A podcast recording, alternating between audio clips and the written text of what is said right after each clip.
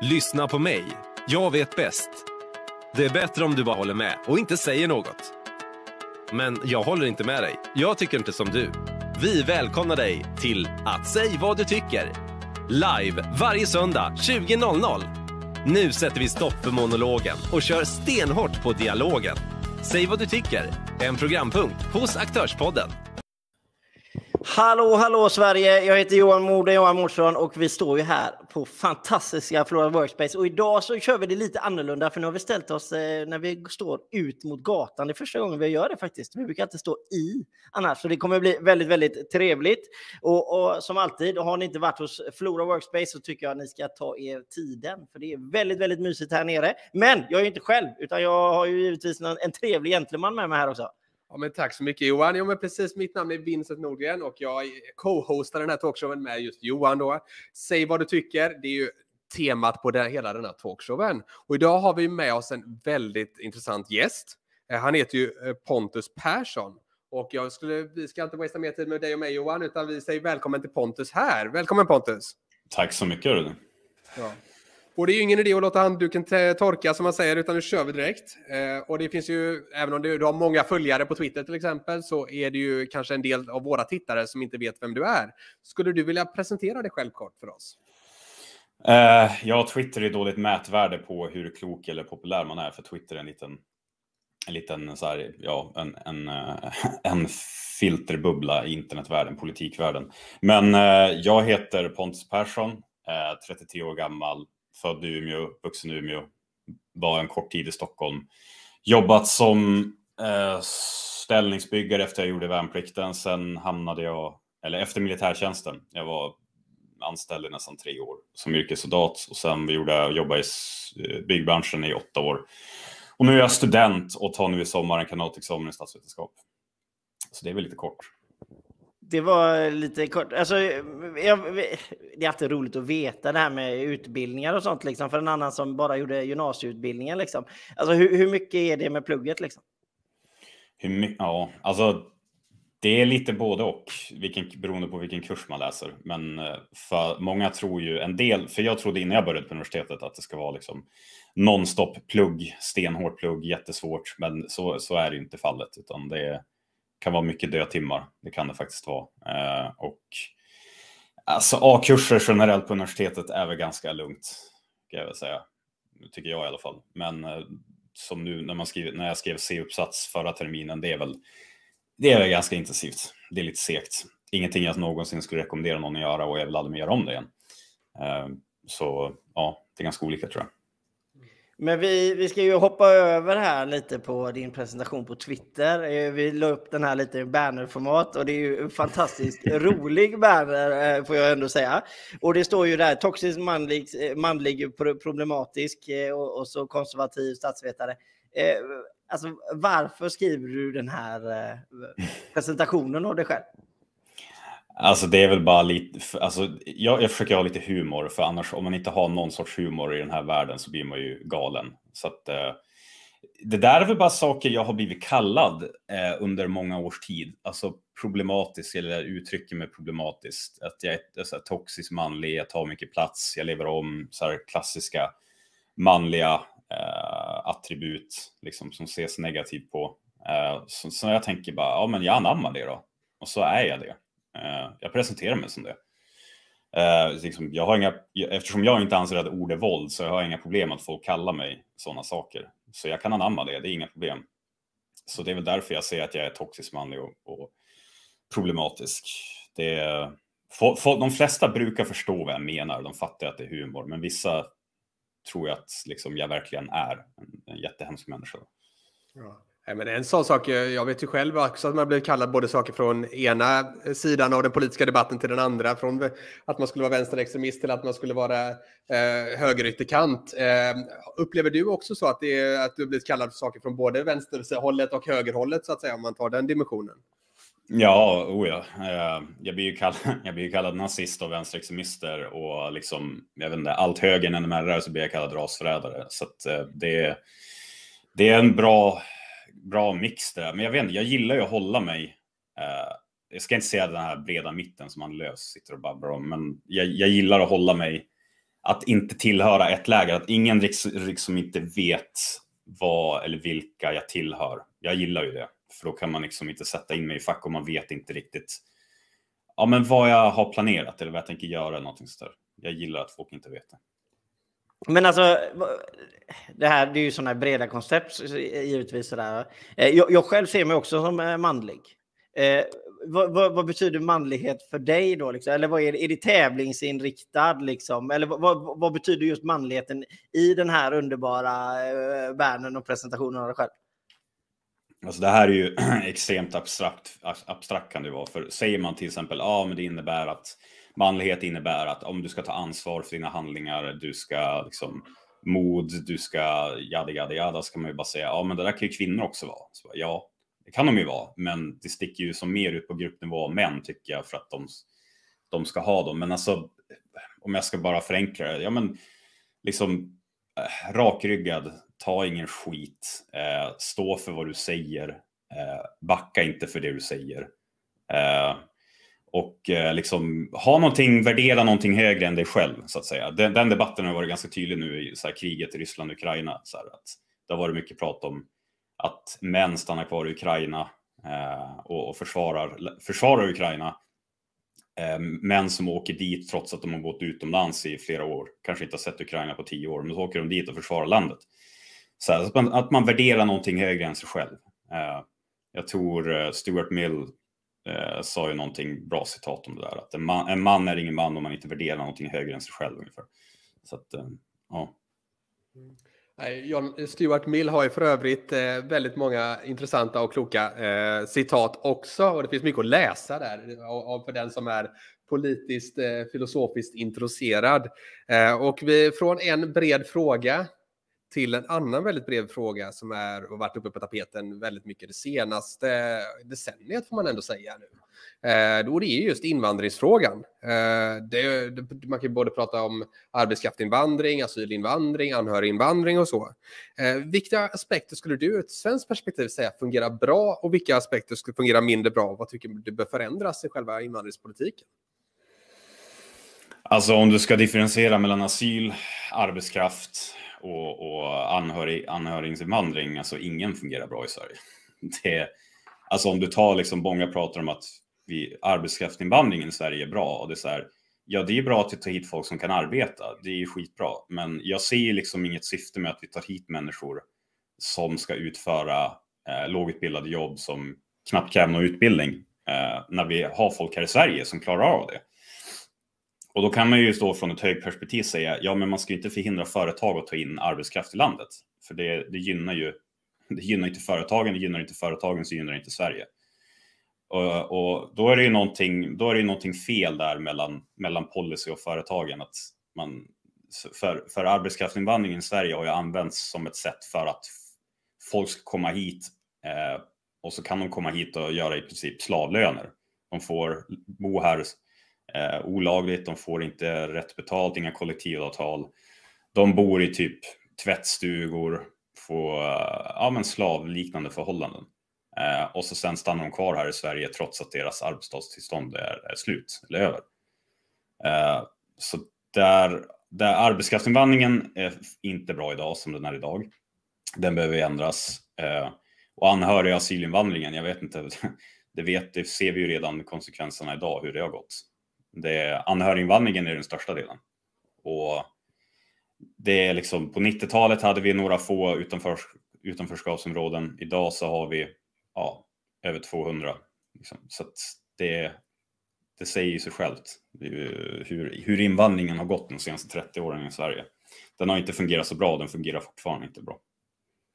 Men uh, om, vi, om vi går på arbetskraften, om vi börjar, alltså, eftersom det är så brett som du sa, invandringsfrågor är så brett. Men vi börjar med arbetskraftsinvandringen då, så pratar du om att eh, du, du, du, du, delar upp det alltså i olika typer av grupper kan man säga, alltså låg kompetens, och medelkompetens och hög kompetens. Mm. Och så det, det som du känner då, som, som jag tolkar dig, det är att du tycker inte vi bör pausa låg kompetens, men medelkompetensen och högkompetensen, där kan vi fortsätta, liksom, fortsätta på samma sätt som vi har gjort innan.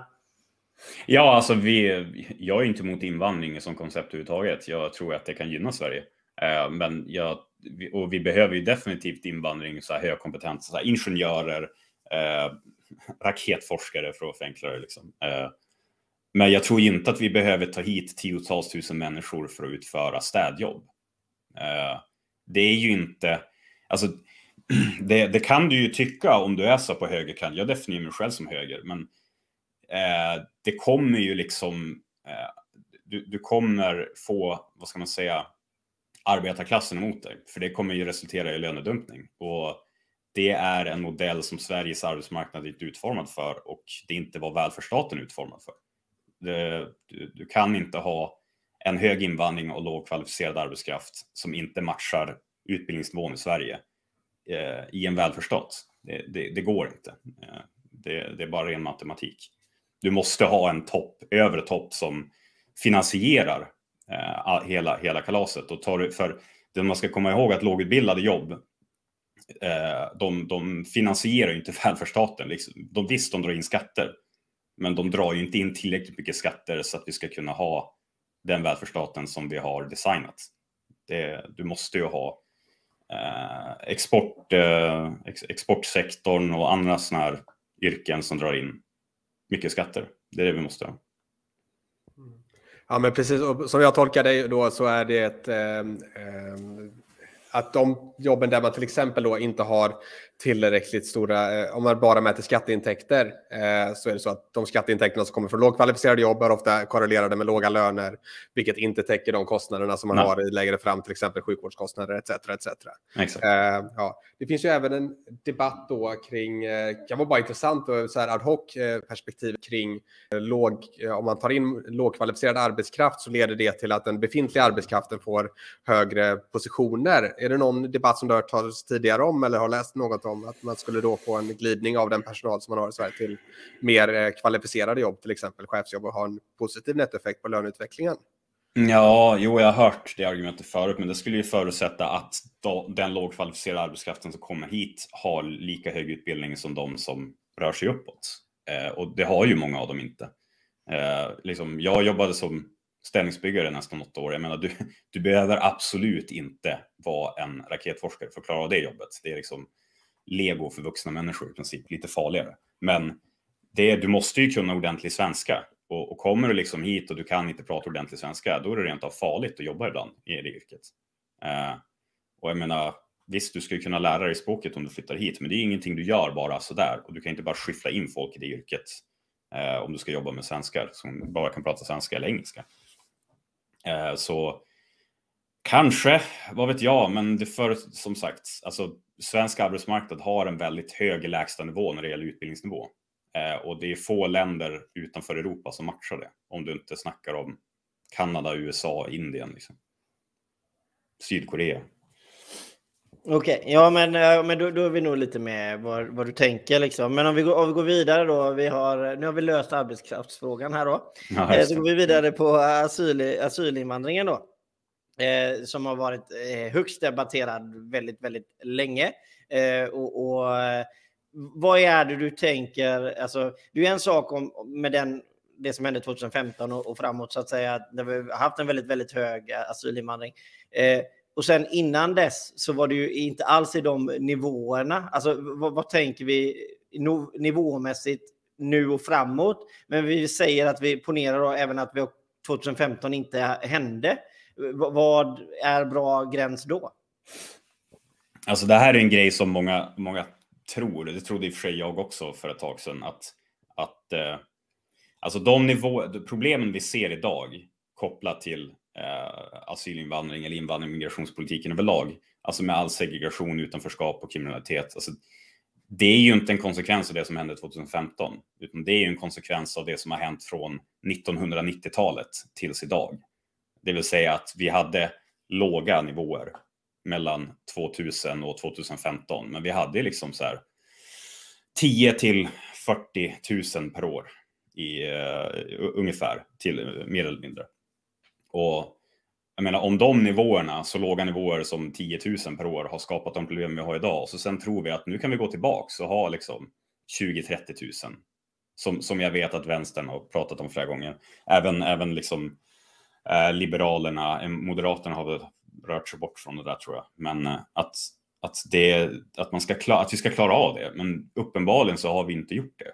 Utan det är för stor del för att de, ska, de som kommer hit ska kunna komma in i samhället. Utan det, handl, det, det slutar ju bara med att de bosätter sig, bosätter sig i samma områden som sina landsmän och förstärker bara den nuvarande segregationen.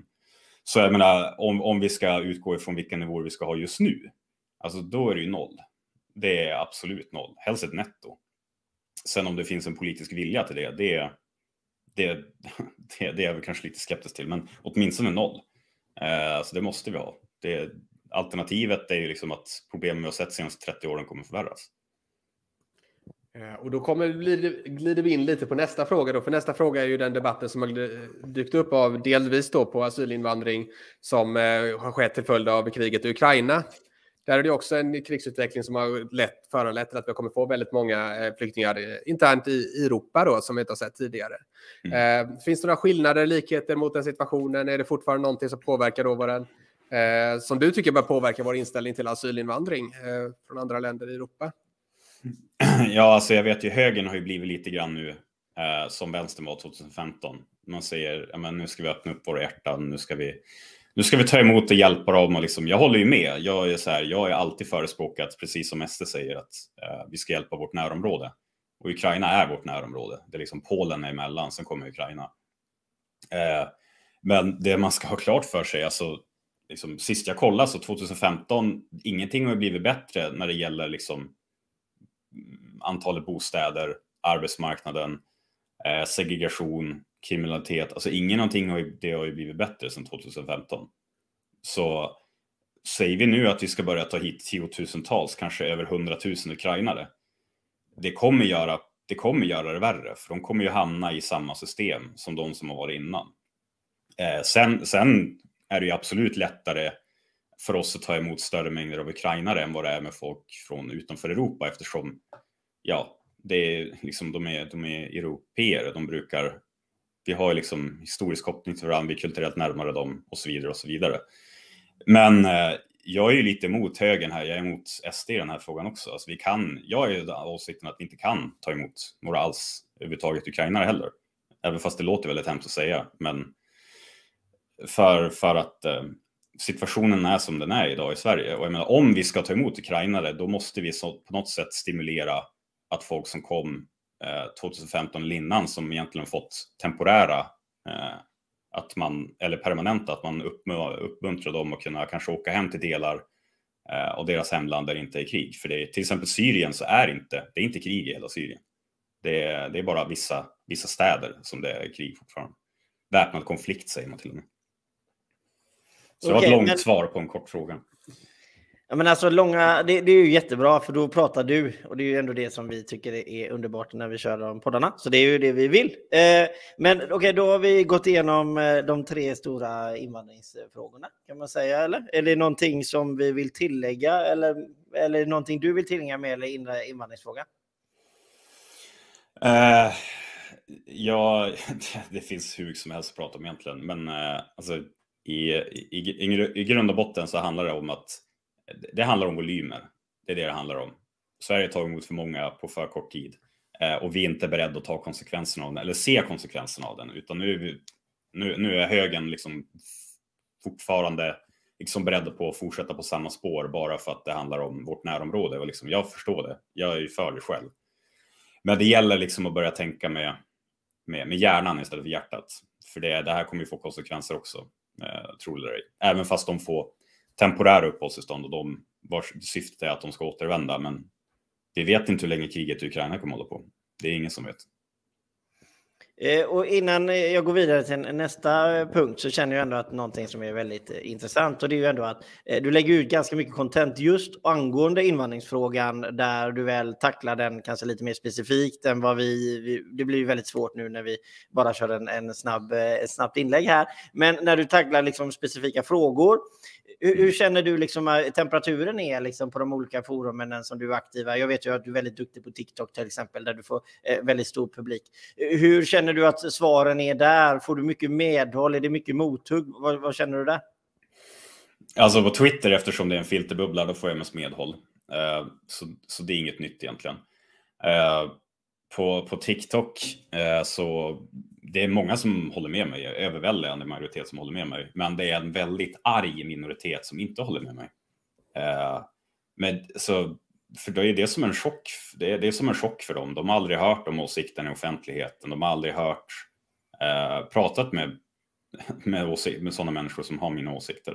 Eh, vilket jag vet inte är särskilt radikala och det är absolut inte minoritet som har dem, utan det är, folks, det är så åsikter som folk sitter och pratar om i fikarummet, så bakom stängda dörrar. Det, det har jag tagit ut på sociala medier. Uh, och det är jättemånga som är arga över det, men jag tror att, jag, jag, tror att alternativet att inte säga någonting, det, det, det är värre. Men jag får jättemycket respons privat som säger bara, ja ah, men vi håller med dig. Uh, uh, det är, många är så förvånade över att jag pratar så öppet om det, men för mig har det aldrig varit för mig är det så självklarheter. Eh, jag, jag, kanske, jag kanske kommer från helt annan bakgrund så det bara är självklarheter, jag vet inte.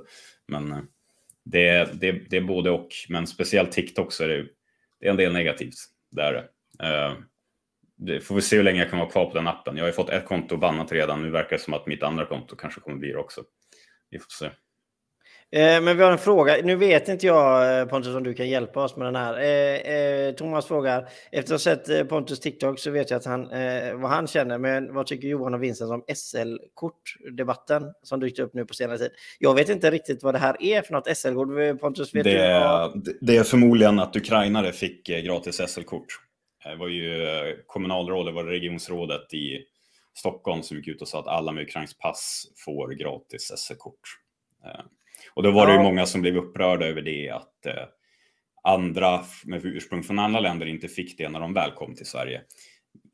Vilket inte är sant, för det var många eh, syrier som fick eh, gratis bussar, eh, busskort och liknande i andra kommuner. I Stockholm vet jag dock inte. Men, ja. Eh, okej, okay, ja, men vad bra. Då, då, då, jag, då, kan jag ju svara då, eh, Thomas. Eh, jag kan tycka så här att alltså, jag ser världen lite som man får ta den lite för vad den är just nu. Alltså, det är väldigt svårt att jämföra hela tiden och allting ska jämföras precis hela tiden. Det, I min värld fungerar det inte riktigt att göra så, utan man får i så fall ta världen för vad den ser ut just nu. Och människor kommer alltid att klaga. Det spelar liksom eh, ingen roll ibland vilken, vilket fokus det går först med så kommer du vara fel. Eh, så att på det sättet så, så, tycker jag att folk som klagar, de, de får fortsätta klaga i, i, vissa frågor, för man kommer liksom inte alltid kunna gå alla till mötes hela tiden, liksom, för det är ändå skattemedel man pratar om. Det är min åsikt. Som sagt, det är, jag är ju inte insatt i frågan. Det är först nu som jag hör den och att det dyker upp. Sen så när du säger berätta vad den handlar om så ringer det en liten klocka att jag läste det snabbt i Aftonbladets nyhetsfält eller något liknande. Men det, det som man spontant känner är att det som eh, som man kan tänka på då är ju att den ukrainska valutan har inte gått att växla till exempel, vilket hade gjort eh, praktiska problem. Så att det kanske är en praktisk lösning på ett problem som finns där, att den ukrainska valutan inte går att växla. Det vill säga att för folk står utan pengar och det kanske var bra om de kunde transportera sig mellan det. Det är inte en jättehård eh, hård extra belastning under en eh, kort tid på ett system då. Att det blir fler resenärer om det ändå finns plats till det, till exempel. sen så har jag inga mer spontana åsikter. Det jag ser det nog som en praktisk lösning i ett eh, problematiskt läge med flera externa faktorer. Behöver ha lite mer betänketid innan jag ger något definitivt svar på det. Har du någon, eh, har du någon kommentar till det vi sa, Pontus? Nej, det är väl, det är väl rimligt. Alltså, jag var inte... Det jag blev irriterad på, vilket jag gjorde en video om också på, det var ju att det är bara, jag vet inte, jag tycker bara det är oförskämt att hålla på sådär. Alltså liksom om du kommer till ett nytt land och liksom som har tagit emot dig med öppna armar. Du har liksom förmodligen fått väldigt mycket tid, eller en stor del av din tid i Sverige fått betald av liksom svenska skattebetalare. Liksom du, bostad, utbildning, eh, you name it. Nu kanske du står på egna fötter, vad vet jag, men någon gång under tiden så har du ju fått det. Och då liksom att komma nu och säga, liksom det är många som, inte alla har gjort det, men en del har ju så insinuerat att Sverige gör det här nu bara för att man gillar ukrainare mer än vad man gillar andra människor från andra länder. Och det är så här, Alltså det, jag vet inte. Jag tycker det är bara någonting som skaver i mig. Det jag tycker är oförskämt. Så här, man håller inte på så. Det, det, som, du, som du sa, att det kan ju finnas andra faktorer som man inte vet om. Det, det är bara, ja, när man, man liksom bara antar alltid det värsta om Sverige. Det var det jag inte, det var det jag inte gillar bara. Ja, men det är bra. Men då, då har vi kommenterat den frågan. Eh, eh, en fråga som har dykt upp eh, mycket i sociala medier, eh, det är ju att du, om, om du är Sverigedemokrat, du, du framträdde ju bland annat i en intervju med, med De Fortas eh, från Socialdemokraterna, där ni hade en debatt. Jag vet inte, det var nästan en timme, va? Eller hur länge var det? var nog mer, det var nästan två timmar tror jag. Ja, precis. Ja, men det var, det var en bra stund i alla fall. Eh, och så eh, efter det, eller i den, så godkänner du att de använder SD-stämpeln. I ett senare Twitterinlägg så skriver du att SD är, är, får bra publicitet, givetvis, eh, för, på grund av alla dina inlägg och folk då helt plötsligt tror att du är SD. Men det som, jag, det som vi vill är ju egentligen bara, har du någon kommentar till det? Och finns det något klargörande i om du är sverigedemokrat eller inte? Ja, alltså jag, jag har aldrig sagt vad jag röstar på och jag säger ju alltså jag är inte medlem i Sverigedemokraterna heller. Däremot så är liksom deras migrationspolitik sympatiserar jag med. Jag, är väl, jag sympatiserar ju väldigt mycket med den. Jag är väl kanske snarare så att jag försöker elda på den lite mer så att de inte börjar slappna av och liksom anpassa sig till eh, resten av liksom, Liberalerna, KD eller M för den delen. Eh, så jag, jag sympatiserar med SD. Det, det har jag inga problem med att säga. Om folk vill kalla mig SD, då får de göra det också. Det har jag inte heller några problem med.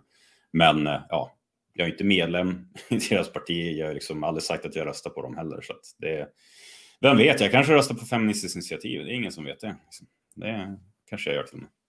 Ja, du är ju problematisk eh, då. Så att, eh, kan... ja, jag är bara en färgkolonnare. Jag är för att krossa patriarkatet egentligen. Men alltså någonting som ändå är roligt, eh, som liksom lite djup fråga eh, och jag tror säkert inte, men jag vill ändå fråga. Med tanke på att du ändå har den sociala räckvidden som du ändå har med dina kanaler. Vad, har du ingen eh, från Sverigedemokraterna i något led, kommunal, region eller riks, har ingen hört av sig överhuvudtaget liksom till att bara vilja öppna kanalerna till att prata lite med dig? Mm, ja, alltså jag har ju kontakt med SD, det, det har jag ju. Eh, politiker inom SD på kommunal och, och riksnivå. Liksom. Det har jag ju. Eh, men det är ju inte så att någon öppet har sagt att eh, ja, men kom med och gå med i vårt parti, utan det är så här. Jag tror många bara ser det som en fördel att jag kan. Ja, men jag ser det som en allierad. Liksom. Jag kan. Jag kan säga vad jag, för det är, det, det är därför inte jag går med i ett parti. Går jag med i ett parti, då vet jag att då kan jag inte säga vad jag tycker hela tiden. Då måste jag anpassa mig till partiet. Och eh, jag har lite svårt för sånt. Jag är, jag är lite rebellisk av mig kanske. Jag vet inte. Det kanske försvinner när jag blir äldre, kanske. Eh, så det är väl mest därför. Men jag ser inte. Det är inte så att någon pushar mig för att gå in i ett parti heller. Så, ja. Men alltså, the bottom line är alltid så roligt. Har du pratat med Jimmy Åkesson någon gång? Nej, jag har träffat honom. Bara hälsat. Men nej, inte, inte pratat med honom. Jag tänker att vi går utanför det och går till din andra bakgrund som är statsvetarstudent nu. Och mm. här kommer en riktig statsvetarstudentfråga då. Om vi mm. kollar på Sverigedemokraterna så äh, har de ju via sin partiledare Jimmy sagt i en äh, tv-intervju att de kunde tänka sig att samarbeta med väl som S som M och KD. Eh, SD är ju även ett socialkonservativt parti, eh, vilket gör att man skiljer sig från ideologierna som till exempel neokonservatism, liberala lärarna och mer socialistiska lärarna också. Eh, hur ska man som väljare förhålla sig till eh, Sverigedemokraternas ideologi? Och finns det någon större vikt kring att veta kring regeringskonstellation eh, och regeringsbildning när man går till valurnorna nu i september eh, utifrån det parlamentariska lä lä läget som råder? Så, det var en mm. svår, svår, fråga, men det är egentligen då. Som väljare behöver man veta deras ideologi och vad det för konsekvens på regeringsbildningen? Alltså kort svar nej, egentligen. Alltså jag tror det är många många som gräver ner sig för lite för mycket i de här statsvetenskapliga teorierna och läser lite för mycket statsvetenskap om jag ska kritisera statsvetare. Det är för att de försöker applicera, eh, projicera sin, eh, sin, sin vad ska man säga, kunskap om ideologi på befolkningen. Liksom, folk är i regel inte särskilt brydda om ideologier. Eh, de, de flesta röstar bara på partiet för, i sakfrågor. Liksom, om, de, om de har en partiledare som har pratat, har bra svar på lösning om den här politik, om politikområdet eller andra. Eh, så jag tror att alltså, SD gör väl i princip, de gör väl ganska bra där. De säger väl egentligen till sina väljare att vi vill ha samarbete med vilka vi vill så länge vi får vår politik igenom. Sen kan man ju tänka att det finns ju ganska mycket hat ute mot sossarna där bland SD. Eh, med tanke på att S har kallat SD för allt möjligt under tio års tid eller längre. Så om det är särskilt smart att samarbeta med sossarna i viktiga frågor, det kanske, kanske inte. Eh, det beror på utfallet i samarbetet. Då. Men jag tror överlag så ska man inte bry sig så mycket om att eh, basunera ut vilken ideologi man tillhör, för jag tror att de flesta väljarna inte bryr sig om det. De flesta är nog ganska pragmatiska, pratar om andra som mer abstrakta värden, typ som ja, men alla människors lika värde, medmänsklighet, eh, så här, ja, men Sverige som nation eller någonting, alltså familj eller någonting annat som är ideologiskt kopplade, men folk pratar inte om det på det sättet, inte gemene i alla fall. Och då ska jag spela lite djävulens advokat i den här frågan också. Som eh, också tidigare statsvetarstudent då, eh, så finns ju eh, de här, det som man brukar argumentera för då med ideologierna från statsvetenskapen är ju då att det skapar en förutsägbarhet i systemet ja. vid nya frågor. Mm. Är det någonting som är av vikt till exempel för att ideologierna, för att bekräfta det här, eller för att framhäva det här som stor vikt då att man pratar om ideologier, eller är det någonting som gemene man kanske inte egentligen bryr sig så mycket av, utan vi politiker och statsvetare tror vi bryr oss mer om än vad vi gör. Alltså det är ju, det är ju ideologi de bryr sig om, men de talar inte om de termerna bara. Eh, det är ju så här, ja men principer är ju bra att ha. Det, det, det är som du säger, det skapar en regelbundenhet som gör att folk kan lita på partierna. Eh, idag så är det väl snarare att vi har blivit lite för ja, men liksom man tar, ja, men som, som alla partier i hela riksdagen, man tar den här, det här värdet, alla människors lika värde och så applicerar du på allting. Vi ska aldrig gå förbi den gränsen. Men det är aldrig någon som kan definiera vad alla människors lika värde är eller varför det är i fara när man pratar om en eh, viss politik, kriminalpolitik, kriminalitet eller, eller invandring. Det är aldrig någon som kan liksom, svara på det.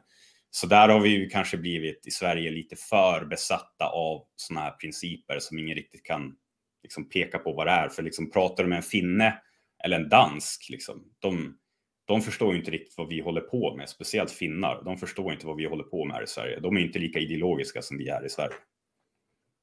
Men, men där, där har jag en, en det här med alla, alla allas eh, lika värde, håller på att säga.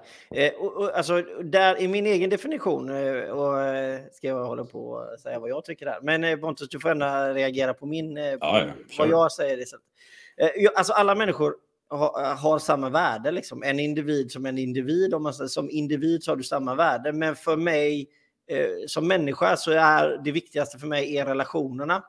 Så de människor jag har relationer till, till exempel Vincent eller en kompis, de människorna kommer ju alltid i min egen eh, sätt, de människorna kommer jag ju vilja försvara eller de människorna vill jag umgås med. Så de kommer ju alltid på något sätt ha, ha, ha jag har ju mer en gemenskap med. Så det är klart att i en bild om jag ska säga att eh, om jag skulle rädda min, min fru eller någon annan på någon, annan, någon annanstans så hade jag ju räddat min fru.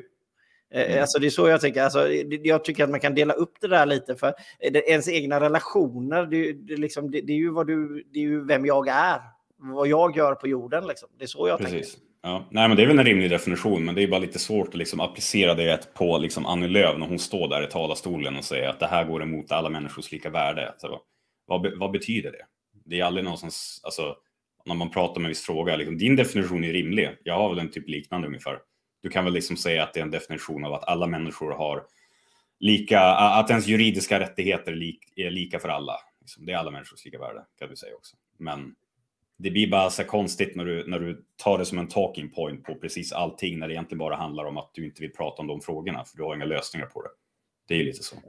Ja, men det är ju precis om vi tar eh, och fortsätter diskussionen med sådana begrepp så är demokratibegreppet något sådant begrepp som används och slängs med kors och tvärs. Ja. Eh, och att det skulle vara mot det demokratiska eh, oavsett precis. om det är till exempel att man är för Eh, en representativ demokrati så kommer direktdemokrater att säga att ja, men det här är inte demokratiskt och vice versa också. Så ja. vi gör det demokratiskt som Så att det, det, finns ju de orden som har blivit och det gör ju tyvärr, tycker jag, att eh, ordet saknar kraft. Ett sådant viktigt ord saknar ju den kraften som det faktiskt kan ha. Oh ja. Och det hoppar jag in och det är ju lite där, men alltså du, du sa aldrig vad din egen definition av eh, allas lika värde Nej, men jag, men, jag tycker din är bra, att man bryr sig mer om sina nära och kära. Så är det. Men alltså, den här, när man, om man eh, ska säga att då alla människor har ett lika värde så här i grunden. Men jag tror det juridiska är väl bra att utgå ifrån. Alltså alla människor har eh, samma juridiska rättigheter i Sverige. På det sättet är alla människor li, eh, lika värda. Eh, så det, det, är väl mer cynisk position för mig att utgå ifrån. Jag är väl sån, men eh, jag, eh, jag är väl emot det där bara att säga släng omkring sig alla människors lika värde. För det, det, det betyder ingenting för mig. Men om du applicerar här, juridiska rättigheter, friheter, ja, fine, det kan jag köpa. Men finns det någon eh, diskrepans där mellan eh, positiva och negativa rättigheter också? Det brukar ju vara en sån klassisk som man brukar göra också, till exempel att man har negativa. Mm.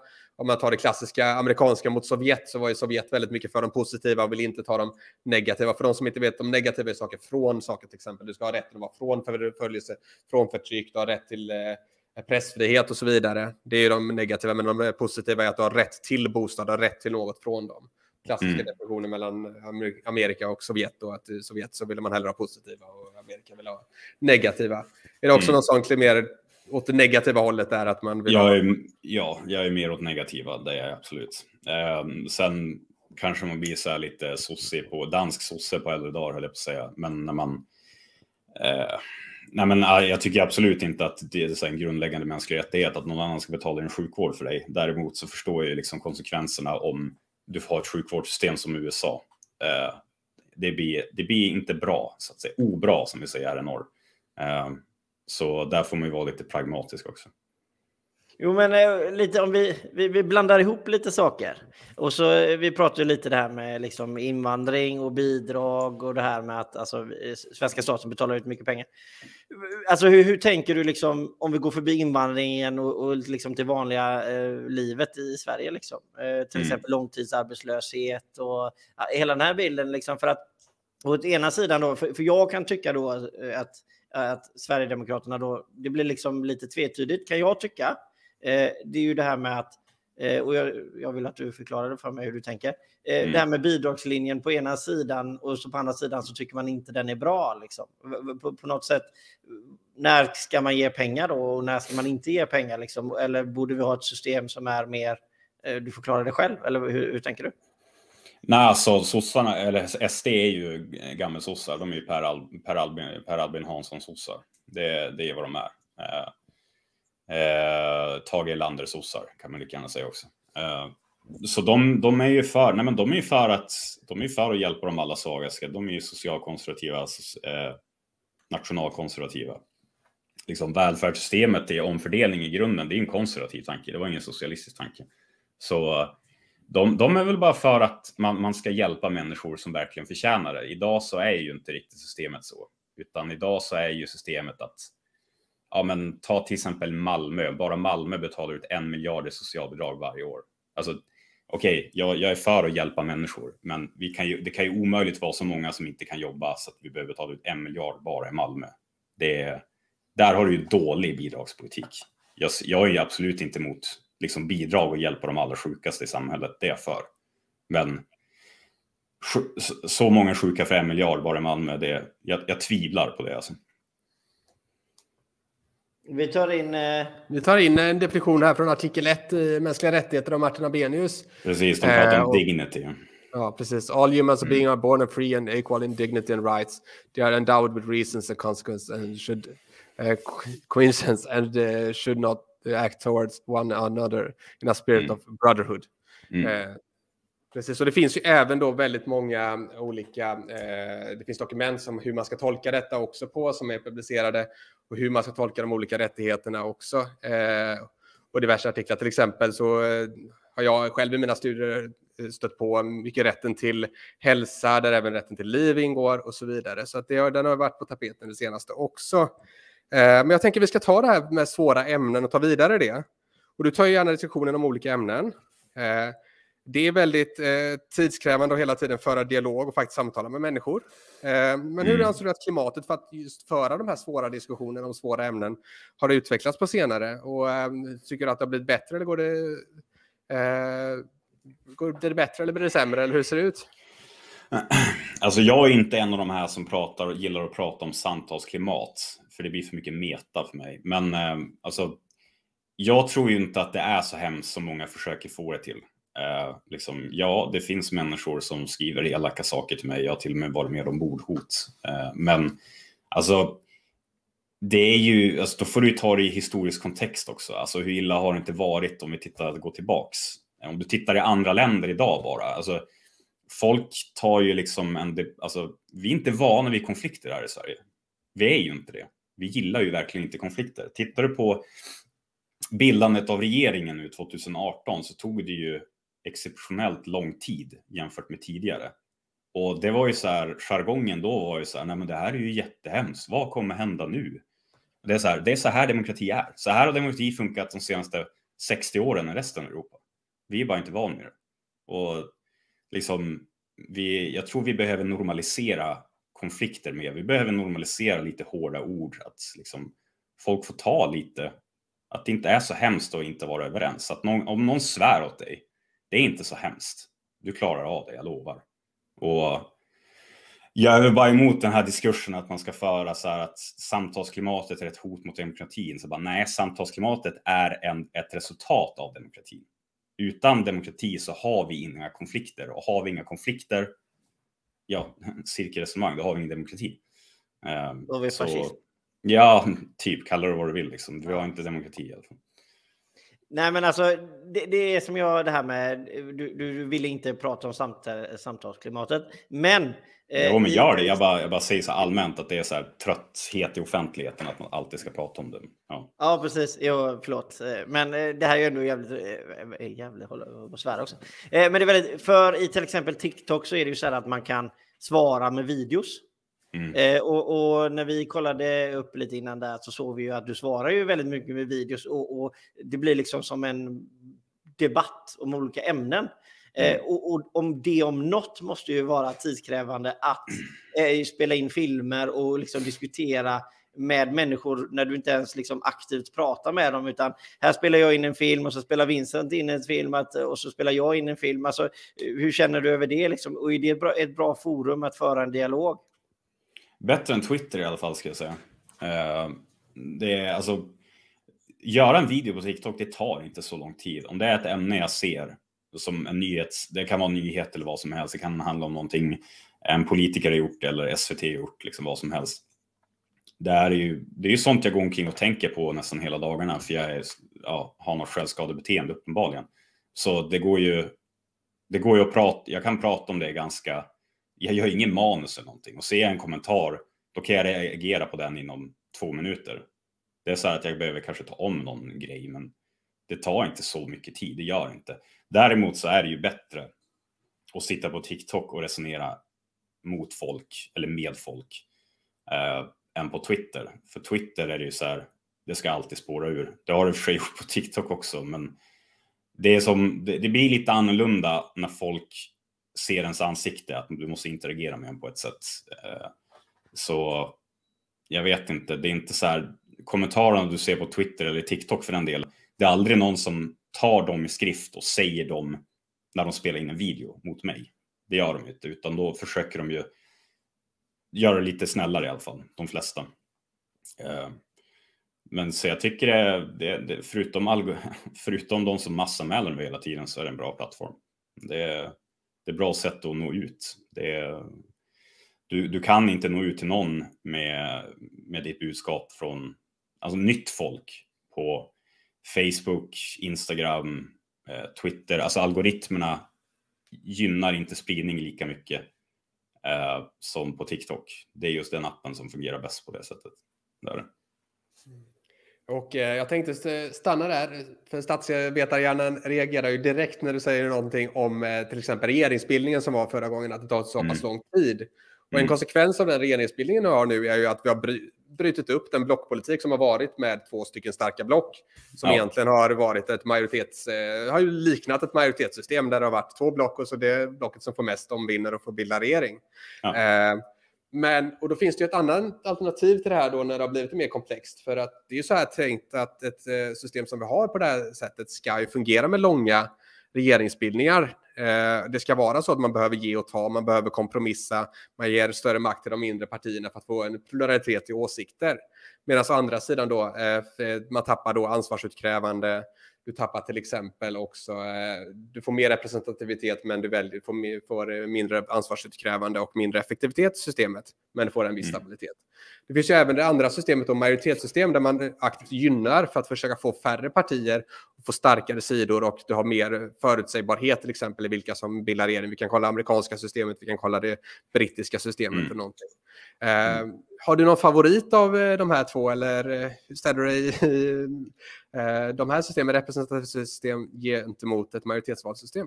Alltså jag tror ju, ja, det hade ju varit, um, ja men om vi tar till exempel Västerbotten, då hade det ju bara varit en representant för sossarna uh, om vi hade haft majoritetsvalsystem.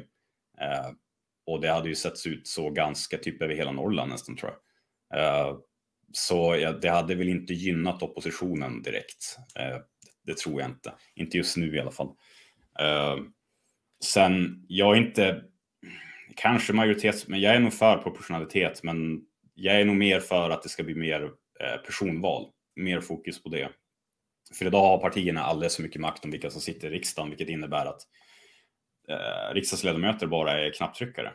Det är vad de är och håller man inte med partipiskan, ja, då, då riskerar du att uteslutas. Och då får du ju inte den här mångfalden av åsikter som svenska befolkningen har, utan det, då tycker jag att det är bättre att du har personval och du, då känner du ju som mm, ansvarig som riksdagsledamot för dina väljare. Liksom, då, behöver du, då måste du ju ta ansvar för varenda knapptryckning du gör. Då kanske du skäms om du inte... Ja, men då, då kommer ju väljarna och skäller ut dig om du har röstat fel i någon fråga som de vill att du ska rösta annorlunda på. Idag så är det ju bara att det är partiet som får skit. Det är ju inte, det är inte riksdagsledamöterna. De är ju bara anonyma knapptryckare i princip. Och titta på, jag menar hur många riksdagsledamöter känner ni till i riksdagen? De flesta är ju bara doldisar. De gör inget. De skriver någon motion lite då och då. Knappt aktiv på sociala medier. Ingen kan deras namn. Eh, och det tycker jag är ett demokratiskt problem. Det, det tycker jag. De ska ju representera folket. De ska inte representera partier. Jag har, två, jag har två grejer som jag vill fråga dig om. Eh, men vi säger nu då att vi har ett system eh, där vi, vi har två partier bara. Eh, ja. Och vilket block hade SD tillhört? i min, min första fråga. Och min andra fråga är eh, Eh, jag håller på att snöa in på tjänstemannaansvaret här lite också. Men eh, du, du hade det förut. Så börja med, börja med den första där. Vilket, vilket block hade eh, SD tillhört? Vänstern eller högern om, om man säger så? Eh, ekonomiskt sett absolut vänster. Men eh, det är inte bara de politiska skiljelinjerna vi har idag, utan du har ju kulturella, eh, religiösa, men, men, men främst kulturella. Eh, som du, där är ju definitivt, ska man säga, SD på höger. Det är de ju. Eh, gam, gammelvänstern är väl också på den sidan. Alltså, jag vet, min min farsas sida, det är mycket gammelvänster. Min farbror, han är liksom, jobbar på Volvo hela sitt liv i Göteborg. Eh, är så här klassisk vänsterpartist. Men han kan ju inte rösta på Vänsterpartiet idag. för att det är ju inte den vänstern han växt upp med. Utan det är ju, det är ju mer SD som är det, SD som är det. Så tar du enligt de gamla liksom, mätvärdena, då ska ju egentligen liksom Vänsterpartiet och sossarna vara på den sidan SD idag. För att SD är de som representerar arbetarklassen idag, eh, mestadels. Eh, så ja, det blir lite enkelt. Om, om vi snackar ren skattefrågor, då är de på vänstersidan. Det är de. Ja, men du får bara välja nu. Vänster eller höger. Du, du får inte säga liksom mitt emellan här nu. Du, då kommer du undan för lätt. Om, om vi säger ska, om vi säger skatter så är det vänster. Ja, där. Eh, och jag tänkte stanna lite kring också den här frågan du nämnde till exempel eh, med att vi skulle ha mer personvalsinslag. Någonting mm. som har eh, debatten då, den statsvetenskapliga debatten pratar ju mycket om det att med stärkt personvalsinslag så finns det en risk för klientelism, det vill säga att man ja. gynnar de egna i området.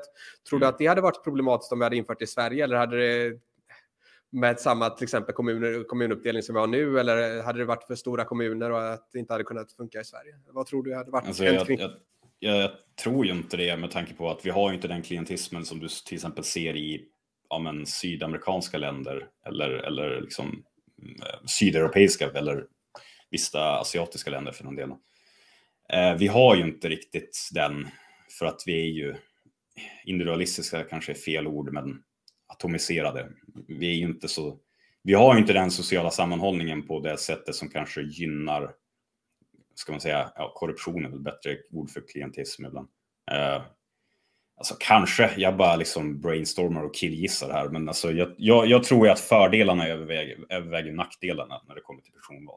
Det tror jag. För att när jag lägger en röst på en politiker så vill jag att han ska veta att jag röstar på honom för att hans åsikter liknar mina så mycket som möjligt. Jag vill inte att ett parti med alla dess tjänstemän och allting ska liksom påverka eh, på, påverka liksom, utfallet i policies. Utan jag, jag tror eh, partisystemet som det är idag, det är föråldrat. Alltså, det, det är gammalt system. Det kommer inte passa bra med, med sociala medier och internet och allting som hör till. Jag tror det kommer behöva förändras. Det tror jag. Men alltså om det här med personval så säger vi så här att Pontus, du hoppar in i eh, Liberalerna.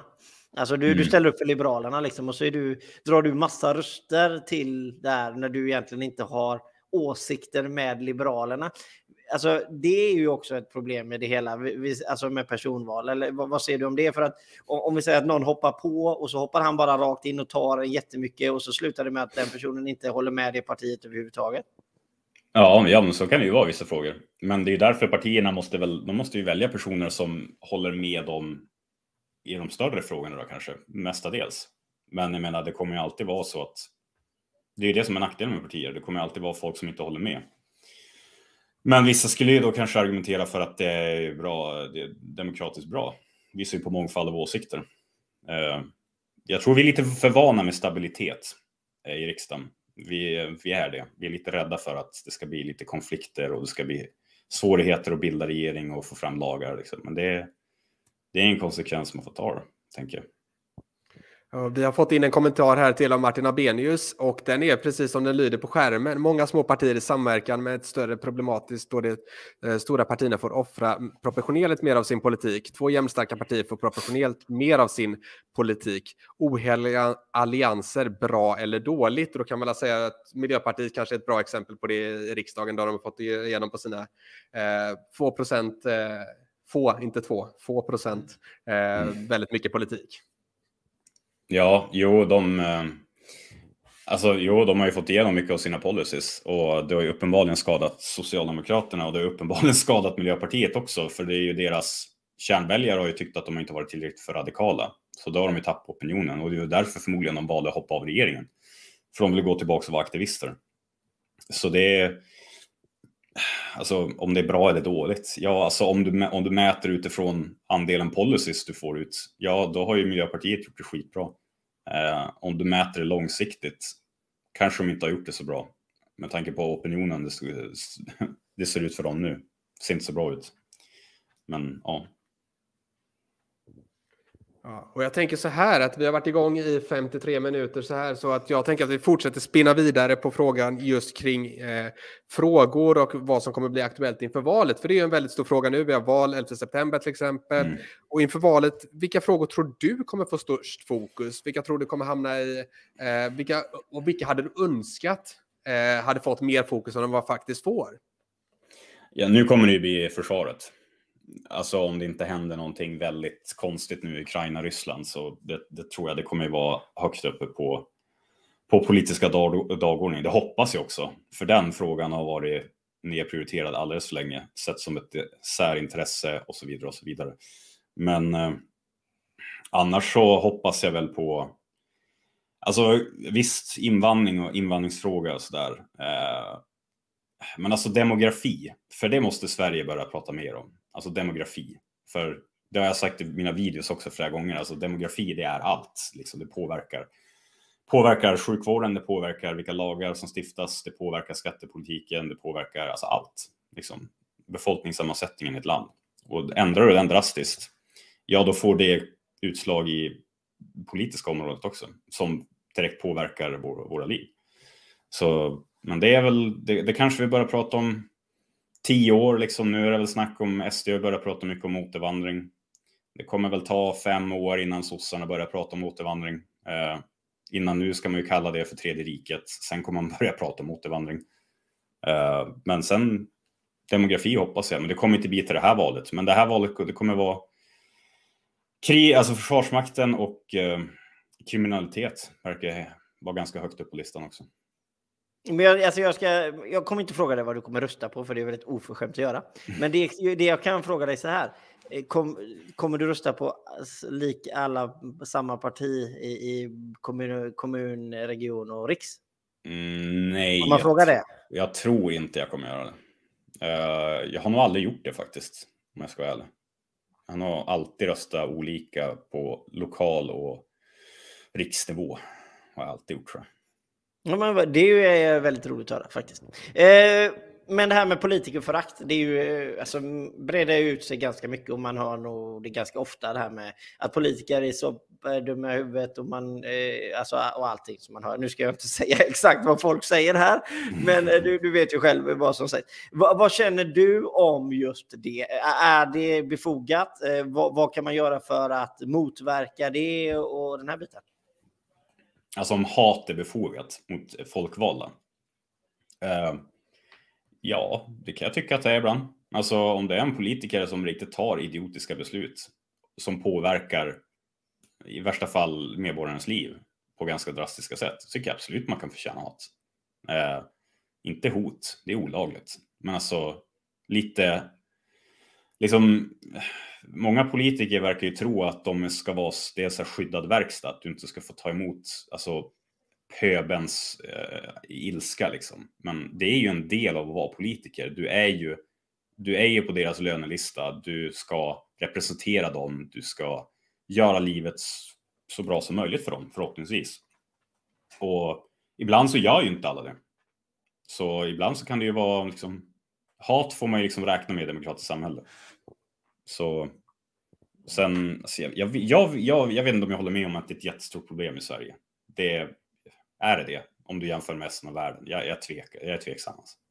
Okej, okay. men om vi då säger så här, liksom, om vi då pratar om politiker, så är de flesta politikerna i Sverige fritidspolitiker. Att man, man lägger ner sin tid gratis. Eh, mm. Man gör det bara för att man vill förbättra samhället och man sitter med i möten och man eh, håller på att uppdatera, man lägger motioner och förslag för att förbättra liksom, kommunen. Eh, liksom lokalt oftast. Det handlar ju oftast om kommun eh, och sen blir man lite mer på fötterna så kanske man kommer upp i region. Liksom. Men det är ju kommun. Och det är som jag tänker och vill veta lite vad du tycker det är för att de flesta människorna är ju fritidspolitiker att man sitter där hemma och lägger ner massa tid gratis och man får aldrig något betalt för det utan mm. man vill bara förbättra för sin omgivning. Och så mm. hör man hela tiden det här politikerföraktet att du, alla de är, man är dum och det ena och det andra och du gör saker och ting bara för ditt eget eh, bästa. Liksom.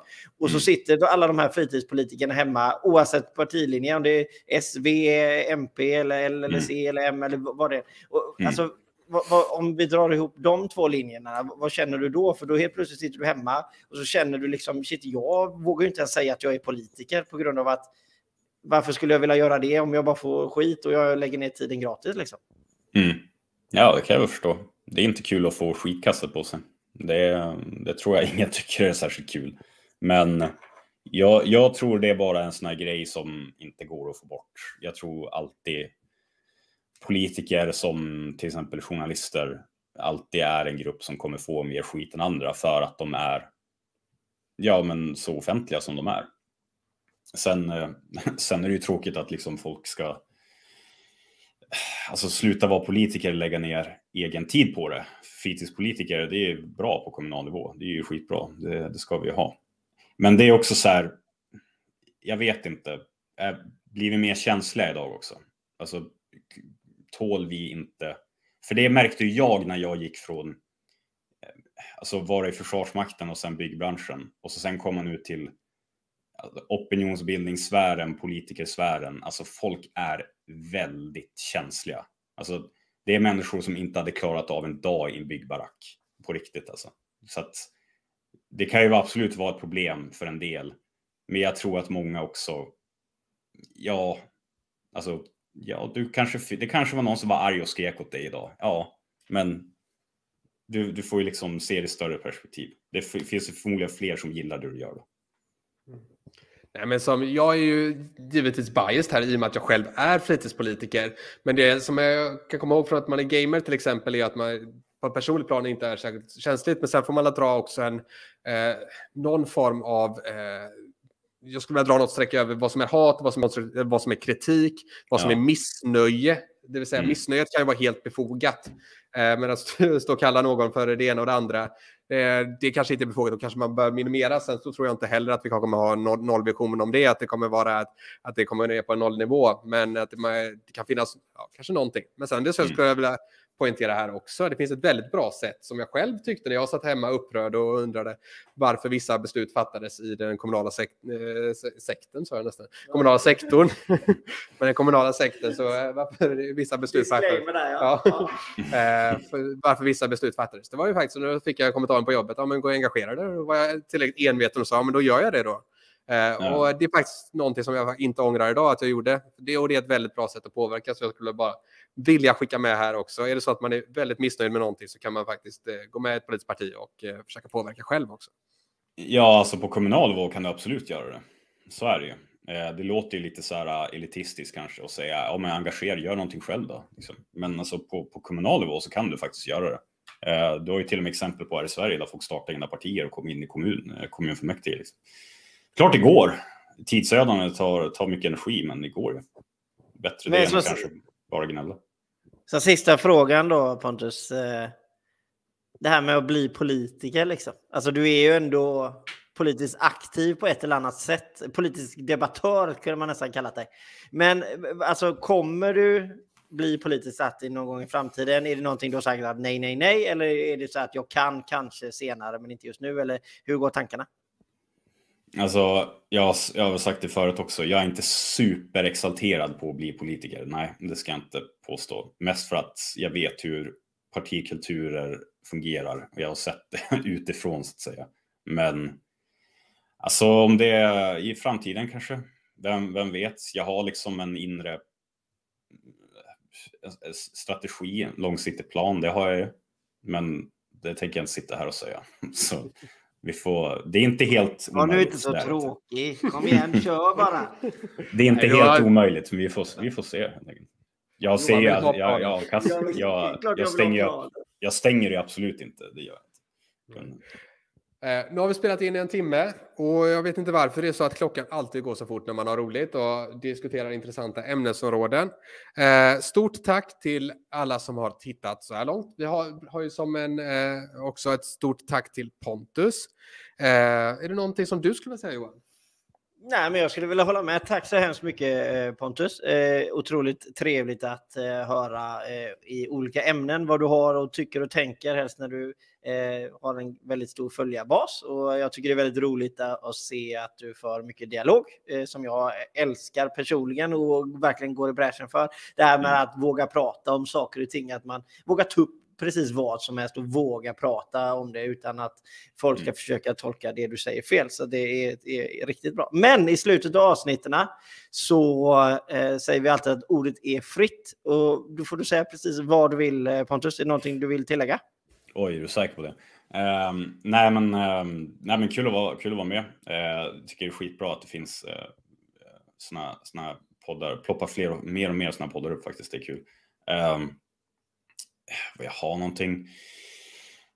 Jag eh, kommer, eh, nej jag har ingenting jätteseriöst utan jag kan bara säga att om Miljöpartiet åker i riksdagen så kommer jag ploppa en 70 vodka och halsa den rakt av tror jag. Det kommer jag fira med. Så att, eh, det är det jag Äta hoppas sko på. kanske? Äta en sko kanske? En Vad sa du? vänstersko? En vänstersko kanske? Ja, en vänsterskop. Ja, kanske. kanske. Ja, men då får jag hoppas på att du, du, du blir full på valdagen då. Det är så vi tolkar det. Ja, Ja. jag hoppas Ja. jag med. Och stort tack till alla som har tittat. Vi ses ju som vanligt igen nästa söndag klockan 20.00. Tills dess får ni ha en jättetrevlig eh, vecka, eller början på nästa vecka. Helgen är inte så mycket kvar på.